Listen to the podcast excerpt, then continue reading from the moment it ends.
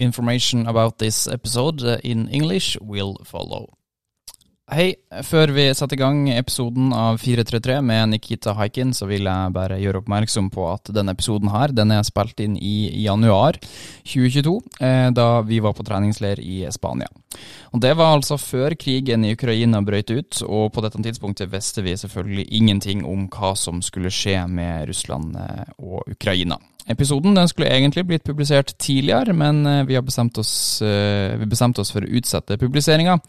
Nå er den eh, klar, og jeg håper du gleder deg til å høre episoden med Nikita Haikin.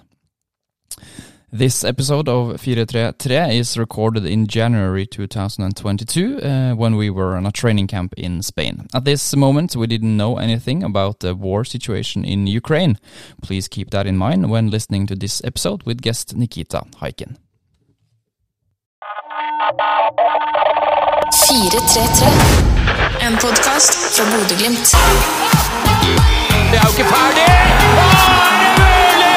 Se på Bodø-Glimt! Jeg elsker dette fotballaget! Ulykkelsen er total og pakken! Og så er det suksess! Kuleramme fotball! Rundspillet! Ulykke Filleriste! Til Jose Mourinho! Og han kommer ikke til å dra fort nok fra Bodø! Hjertelig velkommen skal du være til 433. Hyggelig å ha deg tilbake her i lag med oss. Vi er på plass i samarbeid med K. Hansen Optikk som alltid. Og vi, det er deg, Marius Høybråten, meg, Niklas Røne Johnsen, og deilig å være tilbake. Som alltid, på plass når det skjer, så nå er det bare å friske opp i engelsken, har jeg skjønt. Eh, I am, you are, he, she, it is. Eh, dette blir første episode på engelsk, sånn jeg forsto det. Ja, det stemmer. Ja. Så, eh, men du er klar for det, du? Ja da, vi snakker litt engelsk i, i garderoben og på banen, så det skal gå greit. Ja, det er fint.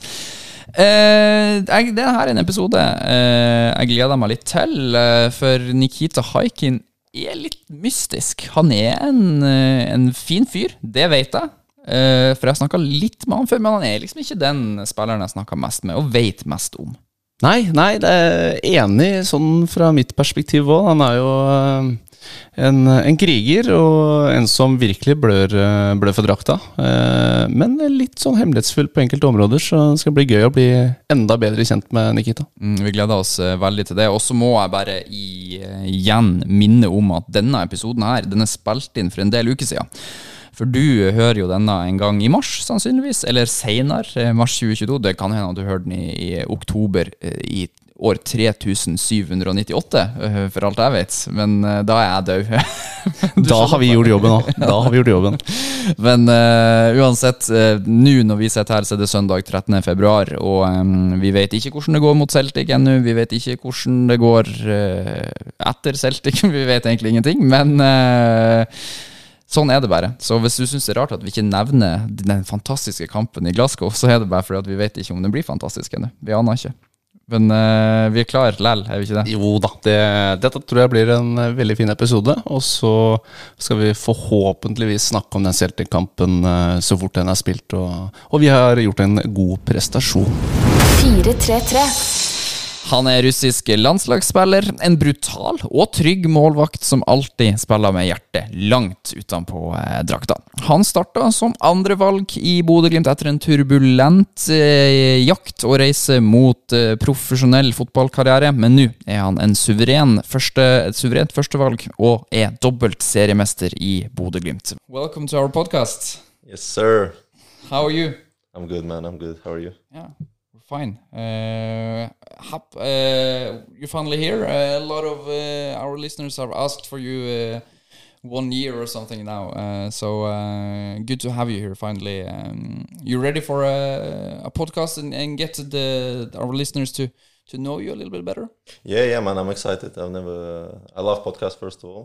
It's my my debut here on 433. People have asked. People have demanded. Here I am. Marius by my side, which is easier, and uh, we're gonna have a blast. Let's go. I'm Just excited. here to make it comfy all the time. That's, that's my main that's my main role, my main job. Uh, as I said, uh, a lot of, of people have uh, asked for you uh, to get to the podcast, and uh, you're a, a passionate player. Uh, we can see you always, like uh, as we say in Norway, uh, play with the heart outside of your shirt. Is that something you, you say in uh, Russia as well? You understand what I mean? Yeah, I know what you mean. Yeah, Yeah. yeah, yeah. No, it's it's yeah. I'm passion passionate about football, and first of all, you know, you have to enjoy and uh, you know being a goalkeeper, and uh, it's not sometimes easy because whenever you win, and we win quite often past three years, um, the attacking third gets most of the credit due to goals, and uh, uh, sometimes you feel left out. So whenever we score, I try to celebrate and enjoy as much as I can. Also, just to feel to you know that I'm a part of it as well, and I know I am, but something it brings something else, you know, like celebrating as a goalkeeper with the especially with the Glimt fans uh, when we score an away goal, and um, yeah, it's something special. I like it. I enjoy it. Mm. It's a long way for you to run all the way over to the pitch to celebrate with your teammates. So yeah, I did it a couple of times. I think uh, I remember we played against uh, Rosenborg. We won three two. I think we haven't won uh, two years ago. We won uh, in Trondheim and uh, the third goal Kasper scored and I ran I remember I was running and while I was running Jonas Kolstad was shouting at me where are you running? Go back and I was like it's fine it's fine and then I started running back and I felt my leg crazy cramp. It's like oh my god and I was just trying not to show it you know to, because I was just uh, getting into the team as well I wasn't a regular. And uh, yeah I remember that one, was one of the cases but usually I run when it's an occasion you know when someone like if it's a meaningful goal, for instance, or some new person that needs extra support, like usually I do it, you know, just to not stand still. One time I ran in Roma uh, against Roma again. I just had to, you know, just a crazy atmosphere, so I just, you know, sprinted. So uh, I don't do it. I do it occasionally, but not often. Mm. It must give you, I mean, uh, like at Aspmyra against Roma, running it's it's a long run, uh, but it must give you a lot of energy to, to like go over the pitch with all the audience and, and spectators. Uh, it's enjoyable, but it's tiring. It's really tiring, man. No, it's it's tiring. It's tiring because I have to run back and then, nah. I, I, I mean, Roma was one case of an occasion, but uh, what a what a night. So it's fine, but not on a regular basis now. It also sends uh, powerful signals to the rest of the team when you do yeah. it yeah and people love to to see passion so mm. one time actually sorry I, I did it also against Stabæk when yeah. remember we won uh, a 3-0 there and Gilbert scored I yeah, just felt sure. like doing it because we were on the road you know traveling it was such a uh, it was a hard uh, the hardest games is when you like do two away games you know you do one abroad and then you come back to Norway do another one and um, I felt like we in fact we were dominating right mm. and but that third goal when Gilles scored was his first goal and everybody went to celebrate and I don't know, it just unites you, you know. And uh, I saw also a picture, I think, on Twitter when people loved it as well to see that. That's what makes the team stand out as well, you know. Yeah, describe the culture here a little bit. Uh, like when when the whole when the whole team celebrate mm, like that, it describes definitely how how strong the culture is. One hundred percent. Is it is that something you always done, or is something you started with recently? Uh, no, no. Some it, it, depends on the mood you know. I won't say yes today i'm gonna do it if we score. No it's just like it comes it comes with your inner self you know. So that moment i felt i should do it you know. It, it felt right you know. And uh, again when you celebrate like that uh, that's what football is all about uh, so it's just to unite people you know and that's what that that episode uh, we could relate to it you know in terms of mm. uniting. Yeah. So. I think uh, we have a question from um, uh, one listener is, uh, is calling uh, Christopher Grorud, uh, and he asks um, uh, on which side at Aspmyra do you prefer starting the game? on the side with the, the supporters or, or on the other side? I don't mind. I really don't mind. it's just I think most of the time we start at the end with the supporters, with the home support, with the with the fans. Yeah, yeah. with the fans. Yeah. yeah. with the gang, and uh, yeah, and uh, most of the time. But I, I don't mind. I don't mind really. I don't really think about it. Whatever.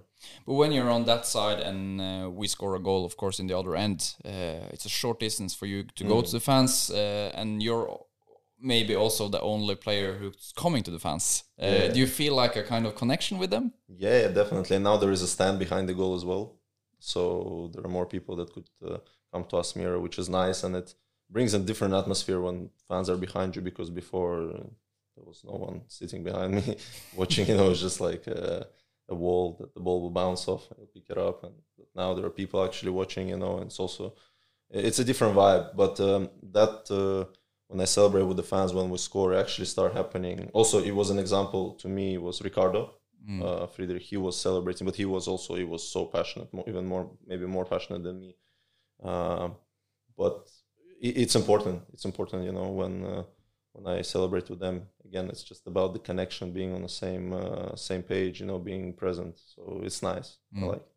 I remember he did it a lot, uh, and uh, then I didn't work in, in the club, and I was a fan, and I that's one of the things that I really um, enjoyed with him It was like an away game. He was always there uh, when we scored a goal in the other end.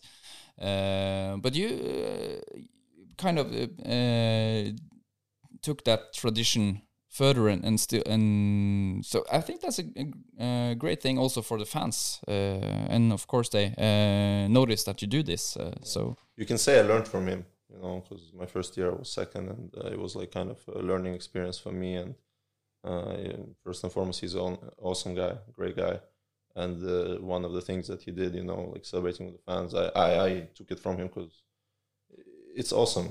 Uh, You have to enjoy. Sometimes it could be too serious, but in the end of the day, it's just a game, you know, and yeah, we love it, but uh, we play because of the fans as well, and especially away fans. You know, the, most of them don't live in Bodø, and to you know do something extra like that is it's just uh, it's it's good.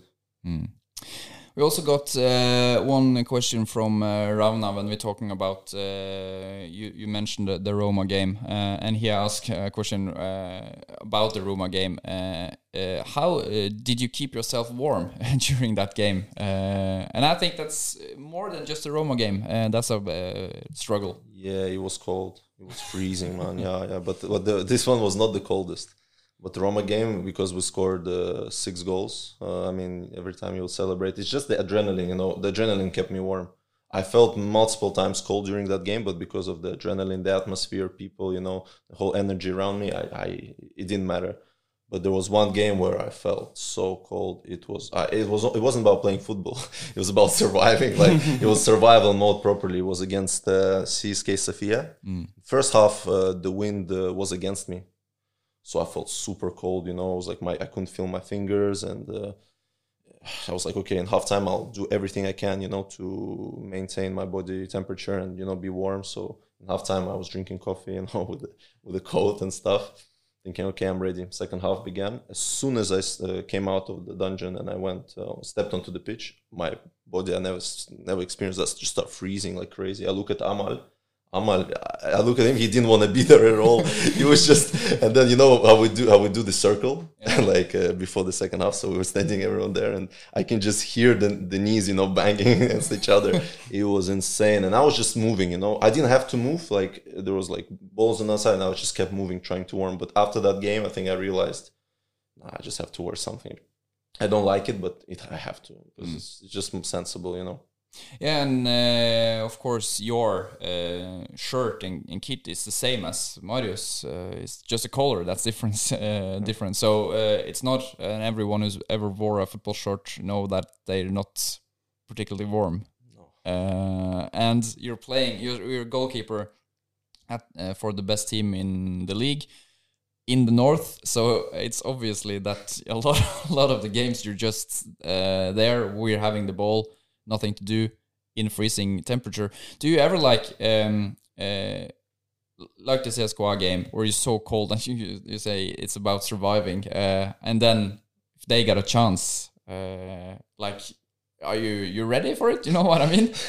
mentally i'm ready but physically i mean uh, it's just one of those things thankfully we didn't have that so like i didn't have to experience you know all of a sudden just uh, you know thinking about it um, but uh, it's you can't control the weather you know but what you can control is put something warm and uh, be happy you know because at that point i was not really happy. It was way too much like imagine minus 15 with the wind it was more than that probably. And again i'm standing there you know i'm trying to do my best to move but it's just it's it's pointless you know it's pointless. And you're just uh, draining yourself. So those situations happen but uh, you have to be always focused. I am focused but yet i'm cold Maybe we should just install a fire pit just beside the goal. Add a few marshmallows as well. So for the fan, for when the you have a VIP lazy day at work, you can just stand there and get warm. That's a great way of selling season tickets. that's what i'm saying Come to Aspmyr and have some hot dogs with Nikita in first half. yeah, but I guess the the gloves uh, you wear are not especially warm either. No, well, there are special gloves for that, but mine are warm enough. It's just uh, you can't do much again. It's just one of those things, and uh, most of the clothes we're wearing as football players, they're not suitable for minus 15 anyway. You know, like what can you do? So you just have to get on with it. Yeah, and uh, Bodø is uh, far north. It's a cold place. Uh, you've been uh, moving around uh, several countries and lived uh, both in England, Spain, uh, Israel, Russia, uh, and now Bodø How do you uh, like Bodø Yeah, man, I, lo- I love Bodø Uh, it's very chilled, you know, very, I know, very comfortable to live because um, not too many things are bothering you, you know. Like for instance, um, due to COVID, I wasn't able to go back to London where my where I usually go, you know, to visit my family. And when I got a chance to go, I was so exhausted after that trip. I regretted going because things there they're just moving so fast and there's so many people. So I realized coming back to Bodø how happy I am, you know, being like uh, in in the far north, you know, of Norway because so chilled, you know. You've got your space and uh, it's a lot slower and it's I don't know, it's just. I, I, I mean, I adapted to it, you know, because I, before I was uh, more of a you know city guy, Moscow, Israel, you know, Tel Aviv, um, London, and but Bodø took me a year, a year and a half to get used to. So I can't complain. I like it. Mm. You you you turn into a small city guy. Yeah, pretty much. Honestly, I, I am. Uh, I feel that. Uh, I think you can relate as well. Like you've lived in Bodø for so many years, so it is nice when you know when you wake up, for instance, and there's no noise. You know, first thing I noticed is the noise. Second thing I noticed in Bodø is the air. You know how clean it is. Mm. And uh, when you're in big, big cities, it's not like that. It's more polluted. I assume it's uh, just different. It's just different, and uh, therefore I, I I love Bodø. I love living there. Of course, there are many things that you can get bored of, but uh, we're there to do our job is to play football. So I'm loving it. I also see that you picked up fishing. Is that something you've done your whole life, or in No, Bodø? no, never. I, I started in Bodø, you know, um, first with the teammates. They said, "Yeah, let's let's give it a go because it's a must in Bodø." We've tried, and then uh, sadly last year we didn't do it as much. I didn't do it as much because of the schedule. We had, uh, you know, we were traveling all the time. So, but two years ago, I was almost every week, you know, like just fishing and learning new things. It's awesome. That's the whole point. and you can actually adapt to the culture, you know, because it's uh, it's part of the Norwegian culture, you know, to fish, to go hiking, and you, know, you have to do it. Do you get any fish? Uh, yeah, of course, of course. You'll be surprised if I wasn't, you know, just with the with the rod, you know. Mm, okay, no, no fish. Okay, but you're uh, you're enjoying the, uh, the like the, the Bodø life, fishing, nature, hiking, all those kind of things, or are you just doing it because you have to? You know what I mean? no, no, it's something new to me, so I am enjoying. But most importantly, I'm enjoying the process, you know, uh, playing football. I don't know would I be living in Bodø if it wasn't for football. I don't know, maybe not, but uh, I think it's such a it's all, everything combined. It's just so suitable for me, you know, the nature, the chill mode, football, especially how well we're doing. It's just such a good mix, and uh, therefore the chemistry uh, with Bodø is uh, great. Perfect. And uh, and since you're uh, Russian, I guess the cold weather is not the biggest issue for you either. No, but you get, eh, yeah. I mean, uh, most of the cold times I experienced in Moscow was when I was growing up. Uh, it was super cold, but uh, I don't think anybody can get used to the cold. You know, do you? Can you? No, I'm better uh, handling the cold than Pelle. He's using that's he's for using gloves and uh, and the beanie in Spain at this time of year. So, uh, but uh, yeah, I think the wind in Bodø is what really gets you, especially me. Definitely, same. I agree. I agree. And the darkness. Yeah, Yeah. obviously. The darkness, yeah, Uh, that's tough. I mean, you can't get used to it. I don't believe if you, you can get used to it. Can you get used to it? Uh, I think uh, I think people say that uh, it get worse when you're a kid and growing up. Uh, it's not a big deal, but the older you get, the more uh, depressed and you know everything. So uh, I think that's why a lot of people uh, go like here to Spain and and uh, stay here during the winter because the darkness it's it's um, it's everywhere. You can't escape it. No, no. At the same time, during summer, you have uh, the sun all day, all night. That's that's really beautiful. Yeah.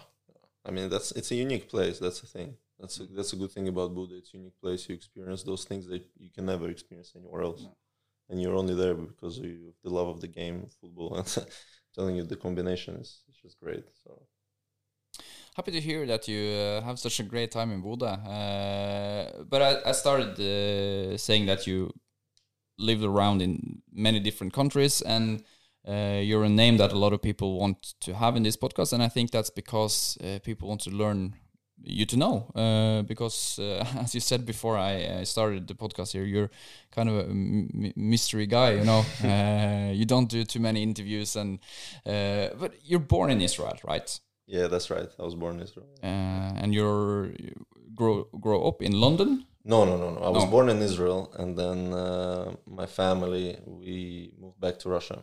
Uh, yeah, so I spent my youth, my growing up in Moscow, you know, until the age of fourteen, uh, which was great. You know, uh, greatest memories I have. You know, growing up there, and uh, then we moved. We immigrated to London uh, when I was fourteen, and we stayed. I stayed there until I was eighteen. My family remained and uh, I had to move because of the football uh, documentation. I wasn't able to be registered in the FA because I was not a non-EU player, and therefore you need a clearance from the FA that they have to grant a club for me to be permitted to participate in official games.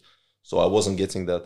Uh, So I, every academy I went, it was the same problem. They kept trying, doing their best, always rejected, always rejected. So I was like, when I was 18, I was like, okay, I gotta go. If I want to continue playing, I have to go. And uh, I went to Portugal where uh, it was a lot easier. There was no rules like that, and I moved to Madeira.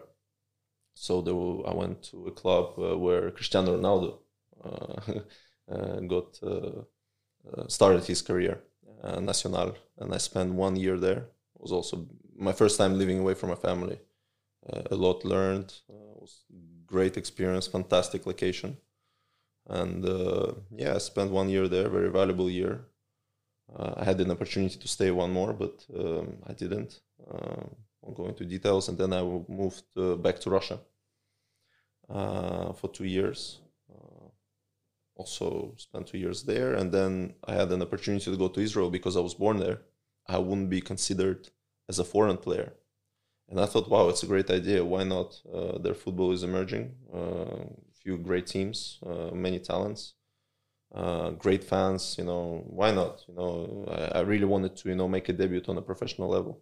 Also, I went there. Something not went as planned, uh, but uh, so I spent one year in Bnei Yehuda, Tel Aviv, uh, where we won. We were going almost relegating. We managed to survive uh, last two games. Uh, we stayed up, and we won the cup against Maccabi Tel Aviv.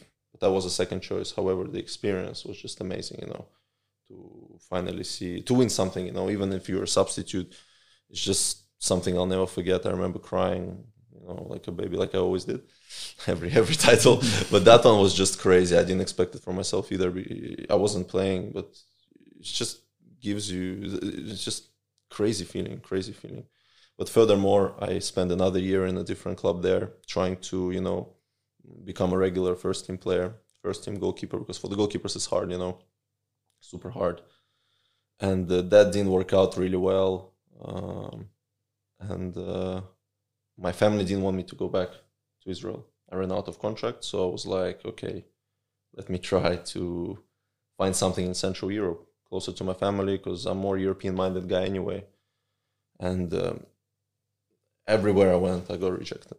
You know everywhere. I went to netherlands second league got rejected. I went to league two in england i got rejected. Uh, I went to Finland. I think we couldn't uh, get a deal done. Went to Kongsvinger, got rejected. Been told that I wasn't. Uh, I, they don't see me as a first choice, uh, which was a huge hit. You know, on my self confidence. Uh, at that point, I was at the bottom. You know, of my self belief. And then another Russian club uh, said no to me. And at that point, I, I made eight months unemployed. You know, uh, living with my family in London, and it's just mentally hard. You know uh, but I was preparing myself to retire. If I'm honest, you know, I was preparing myself. Okay, like how long can I keep going like this? You know, I was hating it. Uh, you know, even though I was doing my best, but every time it was just to know, man. Like no matter what I do, it's just to know. You know, f- for me it was like that. And then um, the opportunity with Bodø Glimt uh, came up, and uh, I wasn't uh, at first I wasn't taking it seriously because they they were very open. They were looking for a second choice, and I, I didn't want to be a second choice. I'd rather go to third division, but to to play. And I remember as now uh, I was offered that, uh, uh, and I said, okay, I don't want to go, but let me think about it one day. Spoke to my parents, and they said, just go, give it a go, whatever. Like you've done it so many times, why not one more time? I was like, okay. So I went to Bodø, and uh, did a weekly trial. And on the seventh day, we traveled to Valerenga, uh, to Oslo to play against Valerenga. And I played. I didn't even know I was going to play. You know, as, I- as I remember now, I was sitting on the bench, and uh, even Jonas told me like, I don't know if you're gonna play, but it's all up to the coach. And I said, yeah, no problem. At that point, I didn't care anymore. And then uh, they called me up, 60th minute. I came on. I was like, okay. Uh, we were losing. We were losing three one. I came on three two had a few saves, uh, played well, you know, did everything actually. Didn't concede, made a few saves, couple of crosses, made a good impression. But for me, that didn't mean anything because I did it so many times before, you know. I, for me, it was okay. It's a no. It's going to be a no, you know, whatever. So on my way back to London, I remember sitting on a plane and telling myself, like, I did everything. Like, tomorrow I retire. If I retire, I gave this game everything I can. I try to stay. Whatever happens, happens. And then two days later, uh, I think either Frode Thomassen called me or Eunice, or both of them, and they just said, "We want you. Come to Marbella." So I went to Marbella, and uh, the rest is history. It really is. Uh, and I guess you uh, do not uh, regret going to uh, Bodø for that trial. no, man, no. It was. Uh, I think that one of the reasons why, uh, like, this whole success story happened is I let go. I let go of everything. I was like, okay, whatever, you know. I let I don't know the universe, God, call it whatever, just to take in, to to interfere in, you know, take it from there. I did my part. The rest shouldn't matter, you know, because I cannot control everything. Just it's, it's just not possible. So I went there, gave my best, left, got pulled up, come. It's, it's a really uh, special way, uh, if you can say it like that, to to become a professional footballer on a high level uh, in Europe uh, as you are now. Uh, have you ever like uh, thought about how things could be or not if you haven't went uh, through all through all these clubs and you know Yeah, I mean, um, I don't. I just remind myself sometimes. You know, some days are really hard. You know, and uh, some days because you can't be feeling great every day. You know, and sometimes, uh, sometimes most of the time, I remind myself where I was, like where I was, not where I could have been, but where I was three years ago and where I am now. And it's a great development. I'm I'm aware of that, uh, and um, I'm happy. I'm happy. How I'm, how I'm developing and how which direction we're going. I think it's great, you know. And uh, but uh, I want more. We want more. I want more, and it is possible, 100. percent really inspirational to, to hear your story as well. It's a, it's a tough road, but I have, I have a follow up question. If let's say if you were rejected in Bodø and you had to retire, what kind of job or what type of industry would you be in right now? if, you if you have to guess. Man, that's a great question. I never thought of that. Uh, me and my uh, one of my best friends in London, we were trying to do some uh, uh, business uh, with cryptocurrency back home in Russia, but it was very complicated, and um, actually we didn't, we couldn't. So I thought I could be an entrepreneur. I thought, but uh, it didn't happen. Thankfully, probably. but um, if I had to guess, can, can I rephrase your question? Yeah, absolutely. what would I do after my career? Where do I see myself? Mm. Probably in the football industry. Probably in the football industry, either it's management or coaching. You know, I, I, I really also my story, as you said, it's inspirational for me. What's important is that uh, if I did it, everybody else could. You know, and uh, there are no no excuses and there are no reasons for people not to succeed if they really want it badly. How I want it because I wanted it really badly. If Bodø told me, also Bodø told me they called me and said, "Look, we want you, second choice, but you have to swim across the ocean. I would do it. Like that's how badly I want it. Like because I really wanted to stay in the game because of the amount of love I had for it. I loved it. You know, I love football. I can't imagine doing anything else at the moment. You know. However, you do need to think what you're going to do after, right? But at the moment, I'm just so present. I'm so happy to be where I am, and uh, I'm continuing. I'll, I'll I'll continue grinding. You know. Do you think that's because you said that you will do you would do anything to to still be be a footballer. I feel that a lot of people are looking at Norwegian players, thinking and saying that they're weak mentally because Norway as a as a country, as a society, is that if you slip through or don't make it, there will always be somebody there to pick you up again. You know, you know what I mean? Yeah, yeah. and uh, especially from from uh, people from Russia, where there's uh, more poverty and stuff like this. You think that's that does something to your mentality? Yeah, man. It's uh, you start appreciating things more. Definitely, you know. For me, it's uh, it, uh, that road when I was without a club. It taught me so much. Like, uh, don't get me wrong, my self confidence was very low by the end of it. But that experience that I had, I have with me right now, due to those rejections, due to those trips. Uh, and by the way, I met many great people as well. You know, due to networking, is up, up until today I have it with me. You know, so uh, I'm just blessed, you know. I'm super blessed uh, where I am today. That's all. You said that you were uh, really close to give it all up, uh, retire as a footballer, uh, and you probably, as you said, on your way back from uh, Bodø to London, you just thought, okay, tomorrow I get a no, and then it's it's over. Um, uh, can you tell us a little bit about how it felt to get that phone call uh, that you that they wanted you, and also like your thoughts on your way to Marbella to to finally like uh, have a club? First and foremost, I was most likely going to retire. I don't know what would have happened, but my as I, as I, as I mentioned, my self confidence was super low, very demotivated as well, and uh, very upset. So most of the time, you don't get a call. That's what I learned. Most of the time, they just don't notify you that you know, sorry, you're not good, and like we don't see you, blah blah blah. So when Yunus called me, I mean, I remember being in my apartment and uh, I had no expectations because every time you have expectations, it hurts even more when you get rejected or they say no. So I had no expectations, and when he said we really want you, I was over the moon. You know, I was over the moon. I was like, wow, really like. uh, Okay, okay. How do we make it happen now? And then from there, I was just thinking, okay, like one thing I, I was thinking I don't want to get injured right now.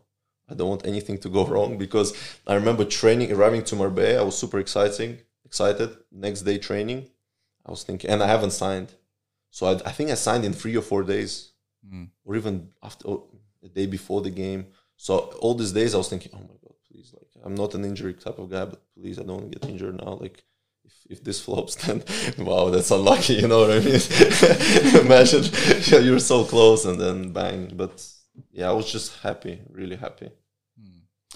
Uh, and as you said, you were uh, Glimt told you that you were second choice. Uh, Ricardo Friedrich was the first keeper in Glimt that season, and he played most of the games uh, during uh, 2019. Um, a great season for the club. Um, I, I don't remember you had some games, didn't you, that season? I played a couple of games in the cup, Yeah. uh, and I played one game against Kristiansund, the decisive one, uh, whether we're gonna go to whether whether we're gonna finish second or not. So Yeah. my debut happened against Kristiansund, one 3-0. Yeah. correct. Yeah, yeah. Uh, The game where uh, Ricardo were, was in the stand with the fans. Yeah, yeah, yeah, that game. Yeah, Did yeah. you da- run and celebrate yeah, yeah. That's the first time I did it. That's the first time I did it. Yeah, yeah, yeah. It was a, it was a great day, great day. We smashed it. It Yeah. Good.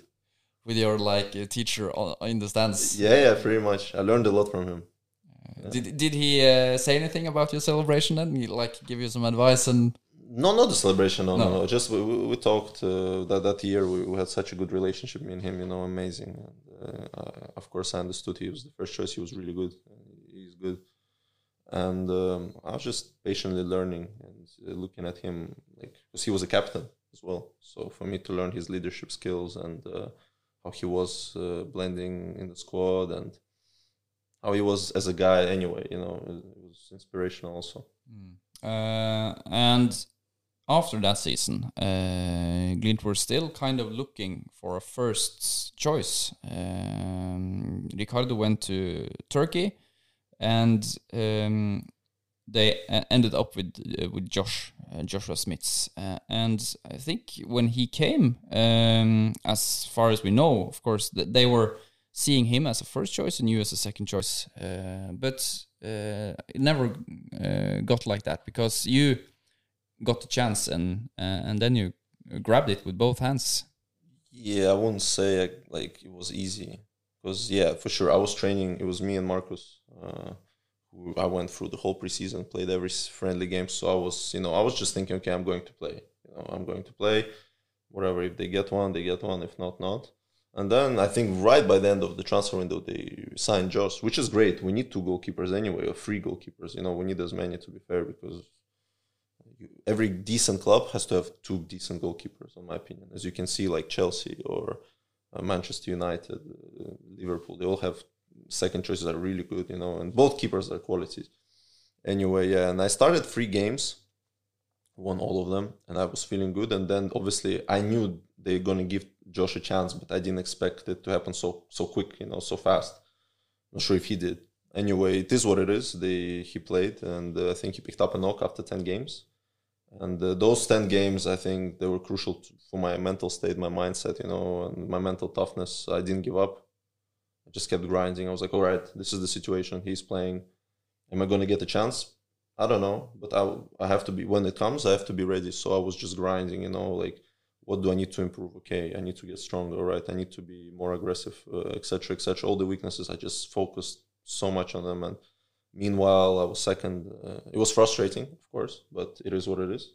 I kept working, working, working. My opportunity came against Sandefjord, and uh, yeah, since then I grabbed it. And I tell you more, even after Sandefjord, and four, five, six months later, I was still uh, unaware if I'm a first choice or not. If I'm honest with you, like I, I didn't know. Okay, next game I'm going to play. Like, cause I don't know. It just it felt like I got changed once already, so it could happen again. You know, and uh, Josh was, I mean, and is until today. Is a good competitor. Really, he pushes me. I push him. It's it's, it's how it's supposed to be. You know, competition. And it's uh, of course uh, every there's only one of each position uh, on the pitch. But as you know, Marius, uh, if uh, the left back is is out, uh, you as a uh, uh, midstopper, what's that in English? Central back. Central, back. back, yeah. Thank you. you, uh, you can go out and uh, and do the um, uh, left back. Uh, Yeah. But it's harder for a goalkeeper to take another position, or uh, so there's that one position that you can play, and you're two people, three people fighting for that one spot. Uh, How is that? it's tough. It's tough. Every goalkeeper, you know, can tell you that it's, it's tough. It is tough. Depends who is the first choice as well. I mean, if you're backup for Manuel Neuer, I mean, you should be happy, really, you know, or other world class goalkeeper. But uh, it's difficult because it is one spot, as you said, and you're rarely going to get a chance. And um, those moments, uh, just have to keep working, keep believing. If you really want it, if you're happy being second, okay, no problem. I wasn't happy.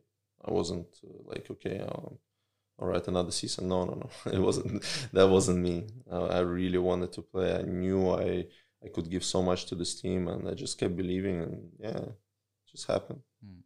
Before we uh, go on and talk about uh, your last season and have you become one of the best uh, goalkeepers in the league, uh, I just thought of now, now when we talked about uh, there's only one position, and obviously in Mjøndalen in 2019, uh, when Ricardo was injured, you were on the bench, but all the substitutes was used. yeah. oh my god. yeah. Vegard Moberg. I uh, remember that. I remember that so clear. I mean, what a game! And Ricardo, something happened to him randomly as well. You know, he landed, and uh, nobody thought it was that serious. Uh, and uh, we ran out of subs. And I remember Philip Zinkernagel just came to the sideline. He's like, "Nick, get ready, get ready." I'm like, "We ran out of subs," and he's like, "Really?" Get ready anyway. I'm like, I'm like, what are you talking about? And then they told me, okay, Moberg is coming on. I was like, okay. So I gave him his shirt, uh, my shirt to him. Uh, he took Ricardo's gloves. He went in. It, it felt it felt crazy. It felt crazy being there, but it is what it is. You know, somebody had to go on goal, and I mean that ending, the, everything about that game, you know, was just crazy. And the goal by Håkon in the end was just. Uh, I saw it from a bench as well. It was just a crazy swerve, you know, up top corner, and uh, yeah, that's what made it special, you know, that ending. So. Yeah, but how was it uh, as a goalkeeper, the second choice to be on the bench and see a midfielder? Uh, honestly i didn't i wasn't like unhappy about it it's just i couldn't do anything about No, it for me it was like I I mean, don't get me wrong. You don't see those things coming, and I was not gonna lie. I was a bit scared. I was like, okay, should I have to come on? Maybe, but then realize, okay, we're out of subs. Someone else have to come on. So I was chilling, you know. I was like, okay, just let's get the points and that's it. And yeah, I mean, until today we remember this. It's awesome. so that's what that's football. It was four three, right, in that uh, moment, uh, and they scored a goal, and they of, of course they tried to shoot from everywhere. Uh, Did you uh, did you give uh, him some advice or? No, no, he looked good. You know, he looked good. I mean, he was solid. Like, okay, no stress, no like, uh, I don't know, no risks taken. Just kick the ball high. That's he, he looked all right. He could play, I think. And the goal they scored, uh, it was untakeable. Ah, no chance. I mean, that was. I mean, even if I wasn't go, probably not because it was such, such a good finish. I mean, Yeah. So uh, it wasn't his fault. no, no, no chance. No, no. Okay, but you uh, went from being the second choice uh, in Bodø Glimt, uh, got the chance, you grabbed it, um, and uh, in the end of that season, 2020, you were the the man of the match, uh, best player on pitch against Strømsgodset. I think uh, the day we won our first gold medal. Yeah, yeah, Um, it was special. Great day. Wow, that was awesome. Uh, what can I say? It was such a relief, you know. Difficult season, Um mentally. I think if you make if you draw a comparison between 2020 and 2021 season, 2020 was mentally difficult for me. Probably for the rest of the guys due to COVID. Nobody knew what's going on. You know, the season got postponed. No fans you know, it was our first season trying to qualify for Europa League as well. So so many new things, and we're on our way into our first championship. And uh, yeah, it was just such a relief, you know, when that final whistle blew was blown. I was just, you know, start crying, you know. And uh, 2021 was more physical test, on my opinion, because of the amount of games we had. Every three, four days, you travel, you play, you travel again, you play no rest whatsoever. You know, it was mostly about recovery. It wasn't even about training. Do you agree?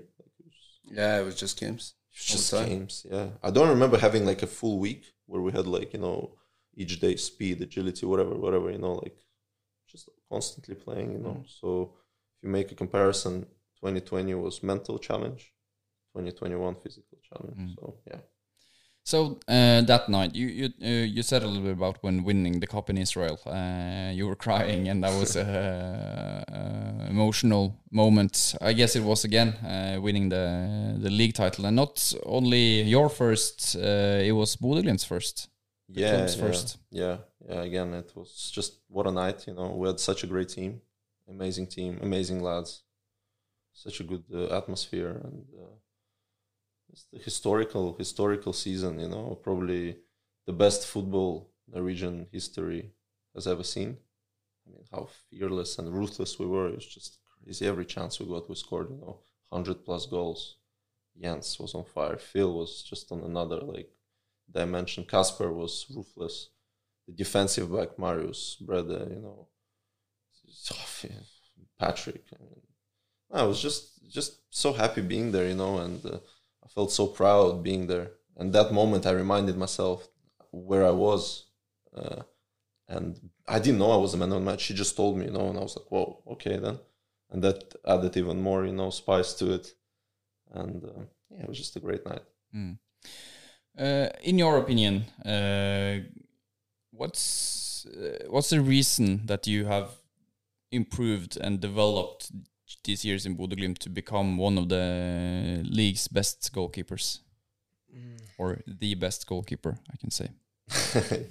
you can say, yeah. I'm joking. I'm joking. Um, yeah, I mean, uh, I became more aggressive. I guess I became more of a sweeper keeper. I have to because when the line steps up, as you said, we control the ball most of the time. I have to be that uh, extra guy in case of something, in case of the ball and behind. I have to go and cover it, sweep it out. Um, definitely, I'm stronger. I'm a lot more stronger physically, uh, more aggressive on crosses. That uh, yeah, and uh, yeah, I've just improved the rest. You know, uh, it's important as well when you to build a chemistry with the back four. You know, it's crucial in my opinion when you play out from the back as well. Like my first season, I remember I had such a good connection with Frederick. So every time I got the ball from Alfie or if Marius was playing as a right center back or Brede or whatever, would play me back. I wouldn't even look, you know, I would just play him. I knew he was there. That's how much of a great connection we had. Like I knew he's gonna be there. So yeah, do you agree? The chemistry is crucial, no? Yeah, absolutely. Ah. And also, also this like you're so good good with the ball in your feet, and you can see that if a team wants to build up from all the way from behind, you can see how necessary it is. Yeah, yeah, that's true. And uh, that that actually, I love that in Bodø I actually got that carte blanche. You know, like the freedom of doing everything with my feet. Because in many clubs, some clubs they they restrict you from that. You know, they don't. They just rather kick it long. But I was so happy that my style of play with my feet, you know, uh, the potential playing uh, out with my feet uh, could be executed in Bodø, and uh, I was given, you know, that freedom, you know, to play. It's just it's just lovely, you know. Mm. We got a c- uh, few questions actually about uh, your uh, ball skills with your uh, feet. Um, Martin Norfarm is asking if that's something you've always been good at, or is that something you've improved in Bodø/Glimt? Uh, no, uh, I wasn't good at it at all. Growing up in Russia, we were restricted completely. Every goal kick you couldn't play out until maybe I was I don't know until being an adult. Some some teams you're still forbidden to play out. You know to uh, have a positional attack starting from from the goal kick and. Um, um, so yeah, I think first time when I actually tasted, you know, what it's like to play out was in England. I think that's when they were first experiencing, you know, to not be afraid there to play with a high risk. And uh, up until today, you know, I've just been improving, improving constantly. And Bodø Glimt is also an example, you know, that because first year I wouldn't say when I was a second choice when Ricardo wasn't, I wouldn't say we were having so much. Uh, um, so much risk playing out from the back. It was just we weren't doing that as much. But uh, now it's it's mandatory. Most likely, if you if you're under pressure, especially, it's it's crucial. Not just in Bodø Glimt in modern football. It's one of the requirements. You know, every team you watch now in Spain and Italy on a high level, the goalkeeper must be able to play good with his feet, and I think uh, that's the beauty of it. It's the game have improved. You also have a a flair, a special skill that I've noticed. Uh, over the last couple of years, and that's the, the step over. The step, yeah, Especially you said goal kicks and uh, and free kicks low in the low in the field and in the open play as well. You step over the ball just to, yeah, just to Just pour to- some salt in the wound of the striker. exactly. I do it sometimes. You know, I do it like when uh, again I receive the ball either from left or right side, and I understand I have no time to play the center back because either the ball was played too too slow to me, and the striker was already covering the pass, or I just I was too late to make a reaction. So I make that step over. Most of the time it works, and uh, it gives me also two three seconds to you know make another decision, look up, which is sometimes it's unnecessary maybe, but it is what it is. Uh, uh, Marius, uh, for you as a centre back, um, a defender, uh, how um good does it feel to have a, such a good goalkeeper uh, behind you to like uh, cover you up? It uh, it means everything. It uh, spreads uh, like uh, safety in the back four, and especially as we talked about uh, the skills, Nikita's skills with the, the ball in his feet is is crucial for us because we know that we can always use Nikita if we if we need to, and if they if they press us high, and uh, the ability he has to to as a, as a sweeper is also so it's really mandate, uh, really uh, difficult to, to master, but Nikita does it beautiful, and uh, it makes us able to stand high in the pitch because we know that if the ball goes in behind, he'll be there. So, uh, yeah, he's uh, become a beast. Yeah. Thank you, dude. but also uh, the the style of playing uh, Bodø/Glimt does with uh, you and Brede uh, taking the ball with you. Uh, you know when you talked about this before, uh, that you sometimes uh, before was a little bit afraid to do that, but now you know okay, uh, shit happens. If I lose the ball, I lose the ball. But I guess Nikita's role uh, makes that even safer for you to to do uh, things like that. Take the ball with you and just go. Yeah, on. yeah, of course. I know that, and, and that goes to the team in general as well because we know that uh, our uh, transition play is really hard, uh, really strong, and when Nikita is so offensive as he is all the way back, it's uh, uh, it affects everyone, and it does, especially my job, much easier. As you said, uh, Nikita, you're um, uh, kind of a sweeper, sometimes offensive uh, keeper. And Alexander Noor here is, is uh, saying that you're a fantastic, good, and, and brave keeper. Uh, and his pulse sometimes uh, goes straight in the roof when he's watching the games because uh, you keep rushing out, you know. Uh, uh, but he say most of the times you end up with the ball, and and uh, he asked if that's um, something you um, just do, or do you kind of think about it before you do it? You know, uh, no, it, I have to. I have to be aware all the time. I have to be focused because again, we control the game most of the time with the ball. So in the situation where the team gets the opposition team gets the ball, they want to break. You know, they want to catch us on the counter, and one of the ways to do that is get the ball in behind. And I have to just be there, you know. And uh, it's not like I train it. Yeah, I do. I do train it, but it's more about decision making because some some balls I can get out, you know, because some passes they're they're that good. I can just it's no point. I'd rather let the defender do it and not ruin it. So yeah, it's mostly about decision making. Mm. But yeah, because you but you have to make that decision quite fast. You know, you can't uh, stay back and I- wait. Yeah, I did one against Legia Warsaw first game, uh, if you remember. Uh, they tried it. He played it to, I remember that's the furthest I've ever went. I think even I was shocked at that point. it was like, but I went there because the guy, the striker, uh, he didn't see me. He wasn't looking at me. He didn't know where I was, so he was kind of with his back.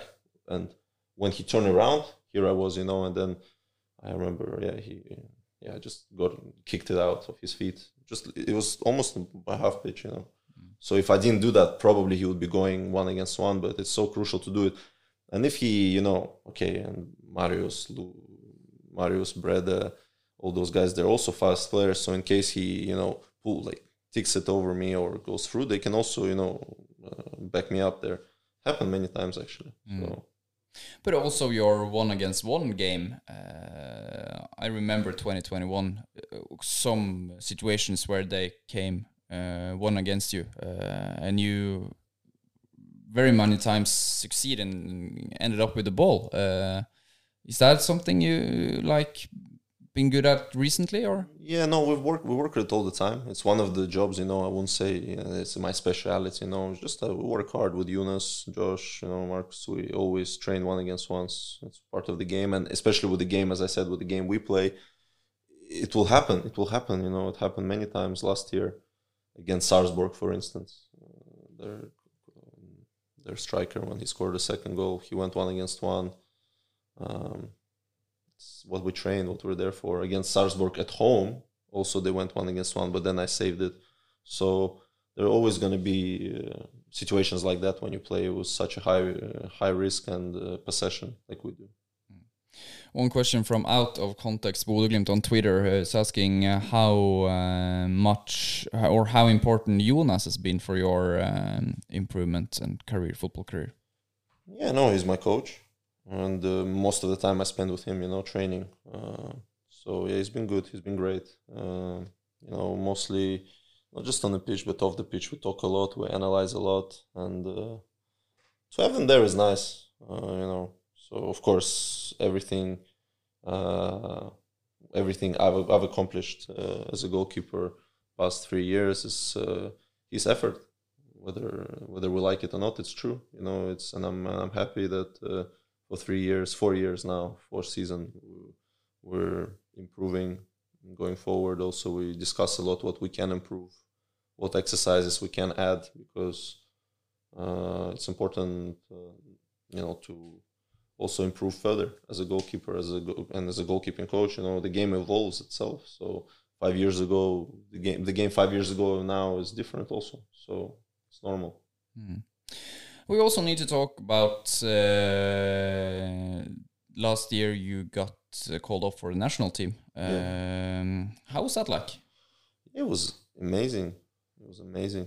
Uh, it was one of my goals actually, you know. But I, honestly speaking, I didn't think I would get it from Glimt. I thought, okay, maybe not from Bodø, maybe from, I don't know, in many years or in some seasons. If I take a next step further, maybe I can get a chance. But uh, that Roma game, that international experience, that exposure and awareness, um, probably played the biggest role. And um, I was super happy about it because first I was in a roster, and I was thinking I was a bit yeah, I was thinking about it. Okay, will I be in a final squad announcement or not? And um, I was thinking, and then after a day or so, I was think, telling myself, okay, whatever, you know, like if I'm not, I'm not, you know. But by the how how much I've been improving, one day I'll be there, you know. So doesn't matter.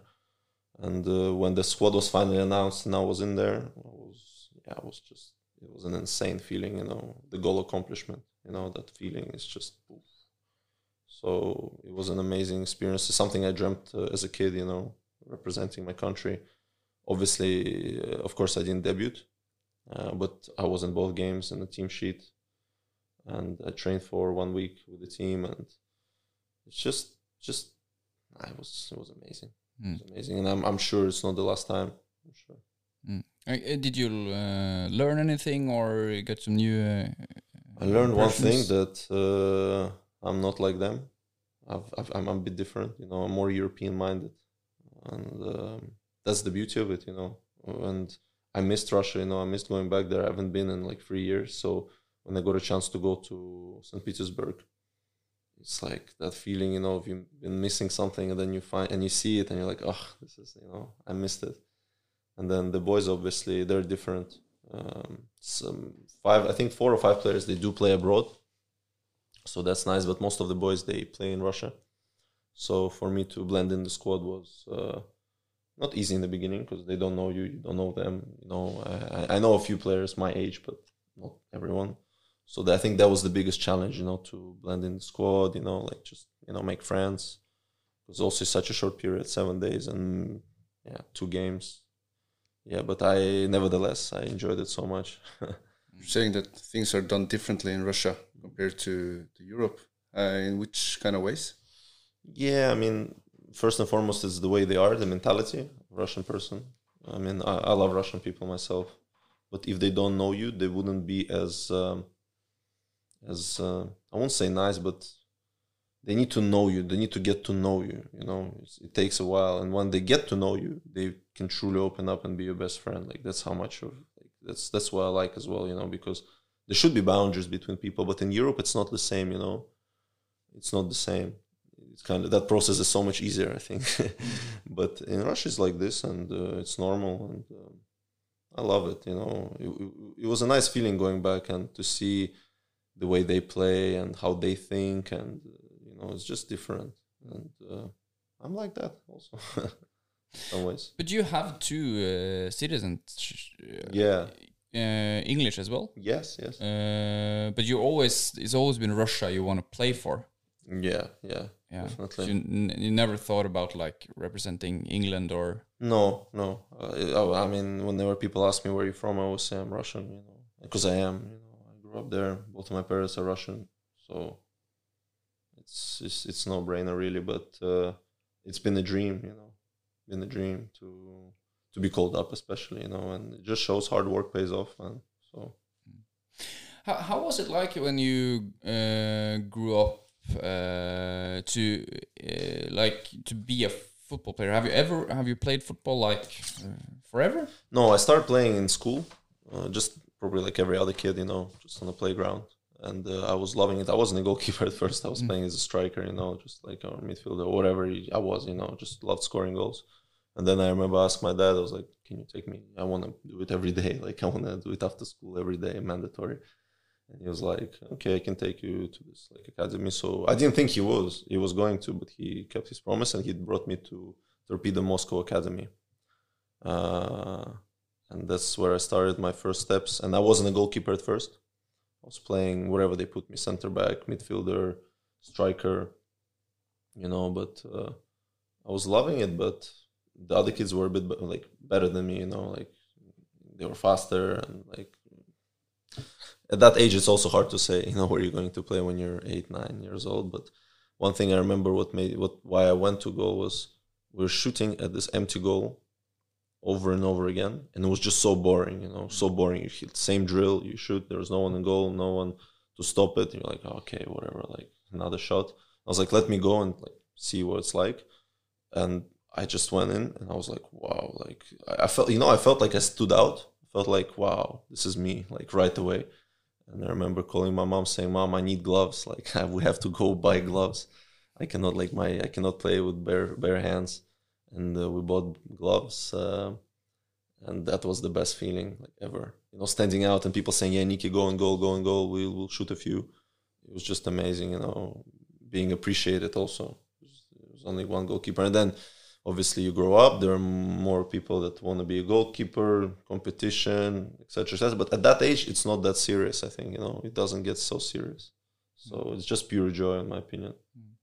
Uh, when did you decide that you were gonna make it serious? That this is what you, as you said, you had a dream. You never gave it up. But when did you uh, understand that this was uh, your dream?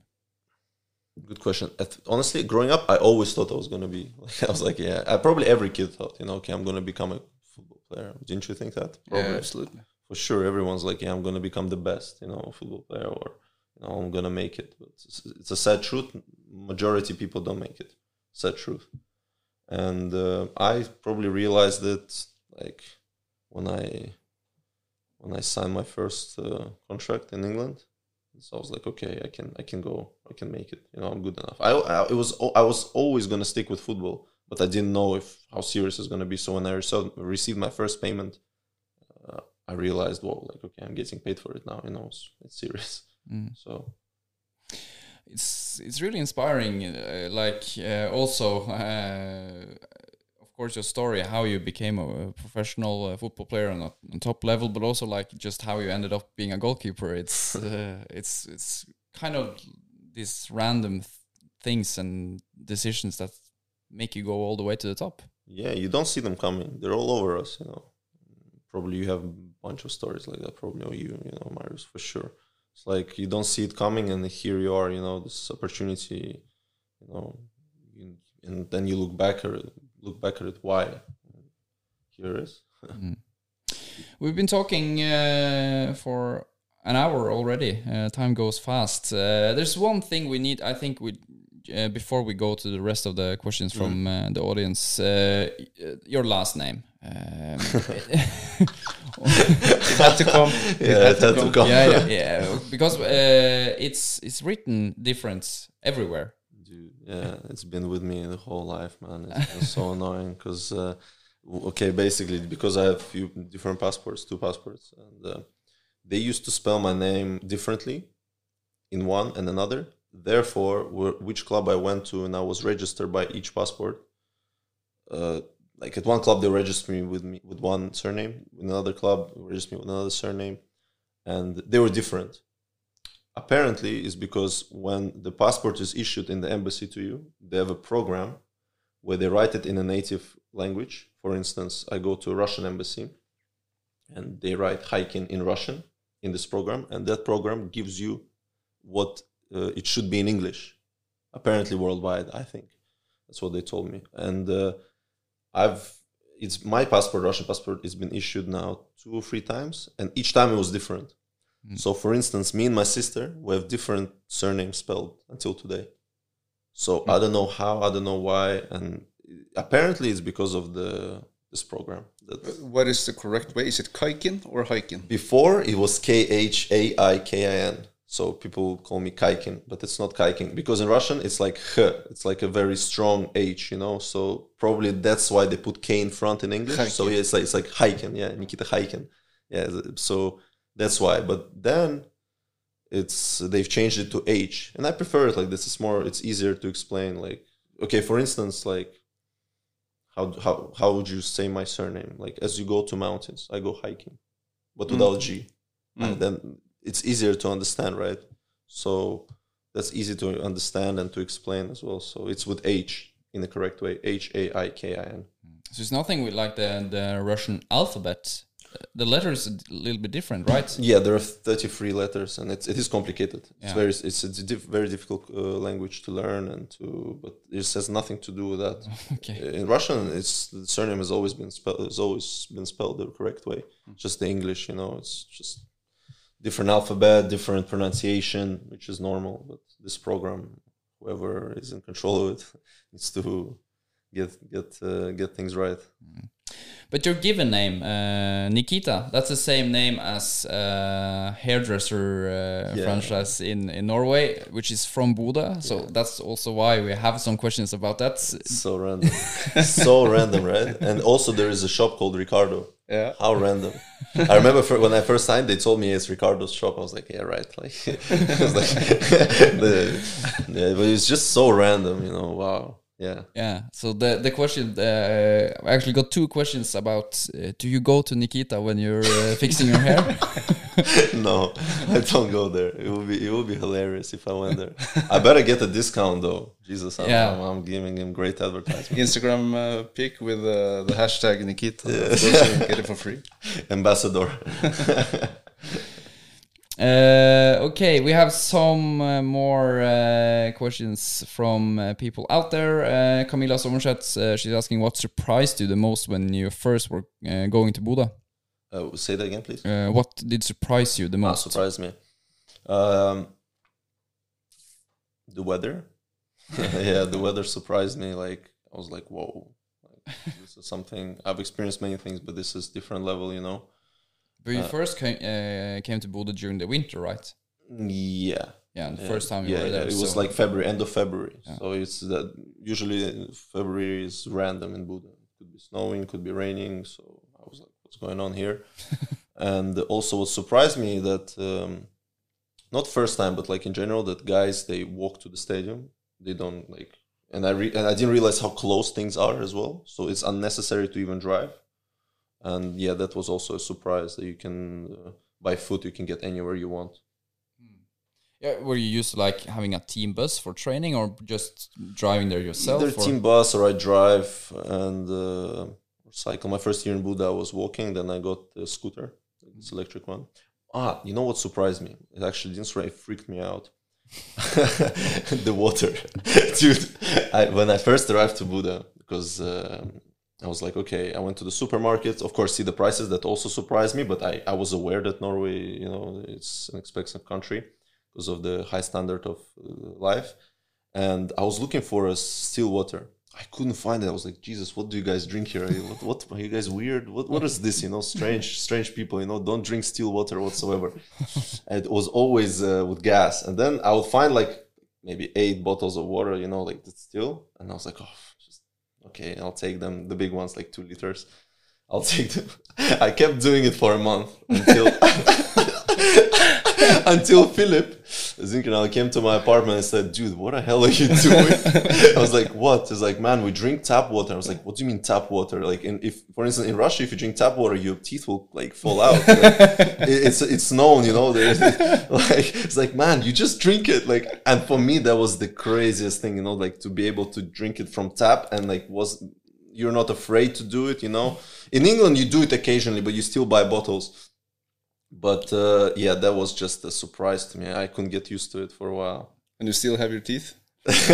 As you can see, yeah. and it's also weird because uh, the water uh, in tap also tastes really good in It Norway. tastes so good and it's so clear. I was, I was studying. I was studying it. I was like, nah. Before I drink, I need to see it. It was crystal clear. so every time we travel, for instance, like when we went to Bulgaria or to Italy, you have to drink it from the bottle. It's very. Oh, here, here. It's so unusual, you know, like to drink it again instead of you know just tap water. So yeah, that was a surprise, huge surprise to me. I was like, Jesus. Oh, great story. Uh, Conrad uh, 2K7 has also uh, his three has three questions. Uh, the first one is um, who do you uh, like uh, look up to when you was a kid? When you were a kid? Uh, football player or in general? Yeah, I think uh, he's meaning football player. Football player. Okay. Um, well, I was a Chelsea fan. Uh, this when Roman Abramovich took uh, Chelsea. I mean, it was a huge boost in the Russian community to support that club. Therefore, uh, my biggest inspiration was Petr Cech.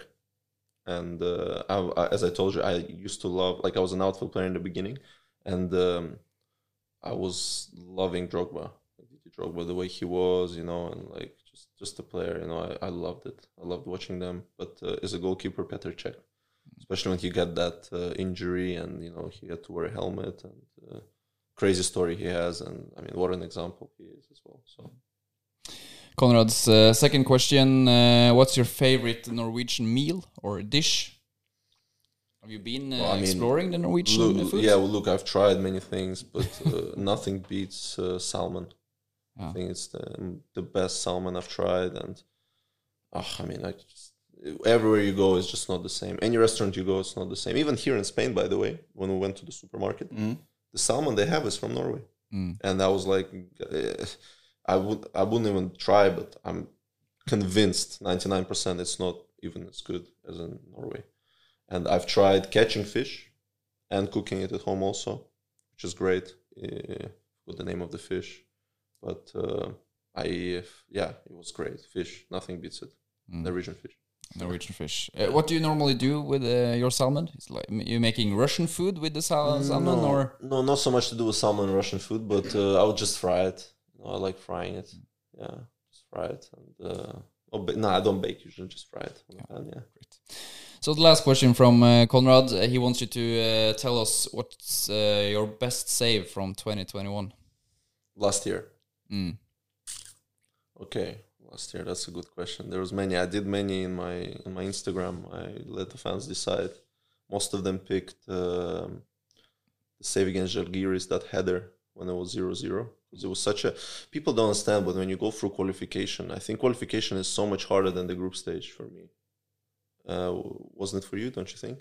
It's uh, things have consequences if you do something bad. Like it's one mistake and you're Mm. have the possibility of going out. So Exactly. It's just like so so much, and the Žalgiris team was really tough. I Was to this uh, the away game or the home game? No, home game, home, Home game. game. when there was a cross and the guy headered it, and uh, I had to react kind of, and then Eric cleared it. So fans have decided that that was their best goal, and if you look back in terms of how crucial it was, because it was 0-0, we won that game 1-0, I- I- we were be able to keep a clean sheet. It was uh, it was super important because then we knew we are through to Europa Conference League. Um, my personal favorite, if I had to pick, there were so many so i don't know. It's hard it's hard. I mean they were all great. I, I can i can tell you one from 2020 that i really liked. Like that until today i was like whoa that was a great save that you know showed why i'm what am i all about. It's when i was for 10 games on the bench and um, i got a chance to play as i said against sandefjord. And that game there was a shot from their striker in the second half or first half and um, it was far left corner and i reacted and i finger tipped it. And it went to a corner kick. I mean it was just an unbelievable save. Like i don't say it a lot about my saves but this one was just i wanted to see it again and i was hoping to see it if there was a camera in behind to show it because from that angle that they showed you can't really see it but that save was just crucial. And also that's when my uh, uh, I won't say legacy, but like my journey as a first keeper started also from that save, on my opinion, and um, that one stands out st- stands out with me. Mm.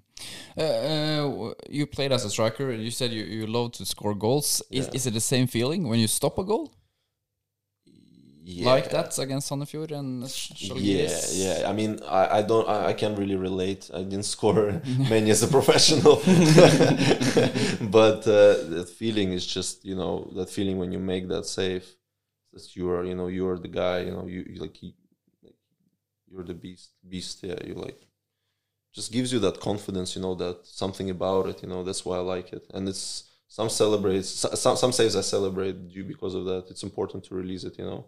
Some I don't, some I do, but that save was one of many against Sandefjord where I was like, let's go, like, so yeah. and it sends so much energy to the rest of the team when you have like great saves. Yeah, and especially when the guys also come and celebrate. Like there was a, a few times uh, in Bulgaria when I made that save, and the guys came and you know it's just like let's go. Like I've got your back, you know. I've got their back. Like they've got mine, you know, and that's why we're so good at the back and in the whole team because also the next game we played against Stabæk also there was free kick and the boys came, you know, they always you know support and one thing I want to highlight big time, you know, and so important, you know, because this podcast has it was about me, is about me, but without my teammates, without the guys in this team, people around, you know, coaches, uh, staff members, uh, Tur Carlson, for instance, nobody talks about him, even him, Marius, everyone, you know, I wouldn't be in the position I am today, honestly speaking. Like, so I'm forever grateful that those guys are by my side, you know, and uh, get tears even now, you know, speaking about it. But it is true. Without them, I'm, I won't be where I am today. So I'm blessed. Uh, before we uh, end this podcast, uh, I, was just thinking of uh, you might remember um, the former Ålesund keeper who went to Manchester United, uh, Lindegaard, Anders Lindegaard, wasn't it? Uh, I saw an interview with him uh, on the TV for uh, several years ago when he said that he would rather win 1 0 uh, than 10 1 uh, as a goalkeeper. Uh, do you agree with that? Is that how you feel it as well? Uh, before, yes, because it is annoying, you know, to concede, uh, especially when your team is trashing the opponent. It happened many times uh, in 2020. Uh, if you remember, and, and and last year in the beginning of the season, because whenever we would go ahead like 4-0, 3-0, um, the coaches would always give a chance to young players to prove themselves because the game was basically done, you know, which is fair enough. And that's when, uh, you know, the trouble could come and uh, the goals we would concede because, yeah, it's normal. So again, I don't. I before I was very concerned about clean sheets, clean sheets, you know, but now I just I don't care, you know. Honestly, I mean, it's nice if you have it, but it's not my main uh, main goal, you know. Like for the game, the main goal is for us is to win, right? Or, actually to have a great performance. And if the clean sheet, if a clean sheet follows up, then even better, great bonus, you know. So You rather win 2 1 than play uh, nil nil. Yeah. no brainer, man. yeah. What type of question is that? I just tried to translate it so everyone would understand. Thank you, Niklas. okay, uh, perfect. Um, I got uh, one message uh, from Russia. Uh, uh, they want you to, to send a little uh, say hello in Russian to all the Russian audience we have. so we can just let you do that and then we, after that, say goodbye. Sure. Всем привет. Я понимаю, что подкаст был на русском, э, на английском языке, но я надеюсь, э, что либо вы переведете, либо поймете. Не судите строго. В общем, всем привет э, от Никиты, всем русским фанатам, которые следят за моей игрой. Мне очень приятно. Мне приятно, что многие меня поддерживают и переживают за меня. И, в общем, да, всем спасибо и все будет хорошо.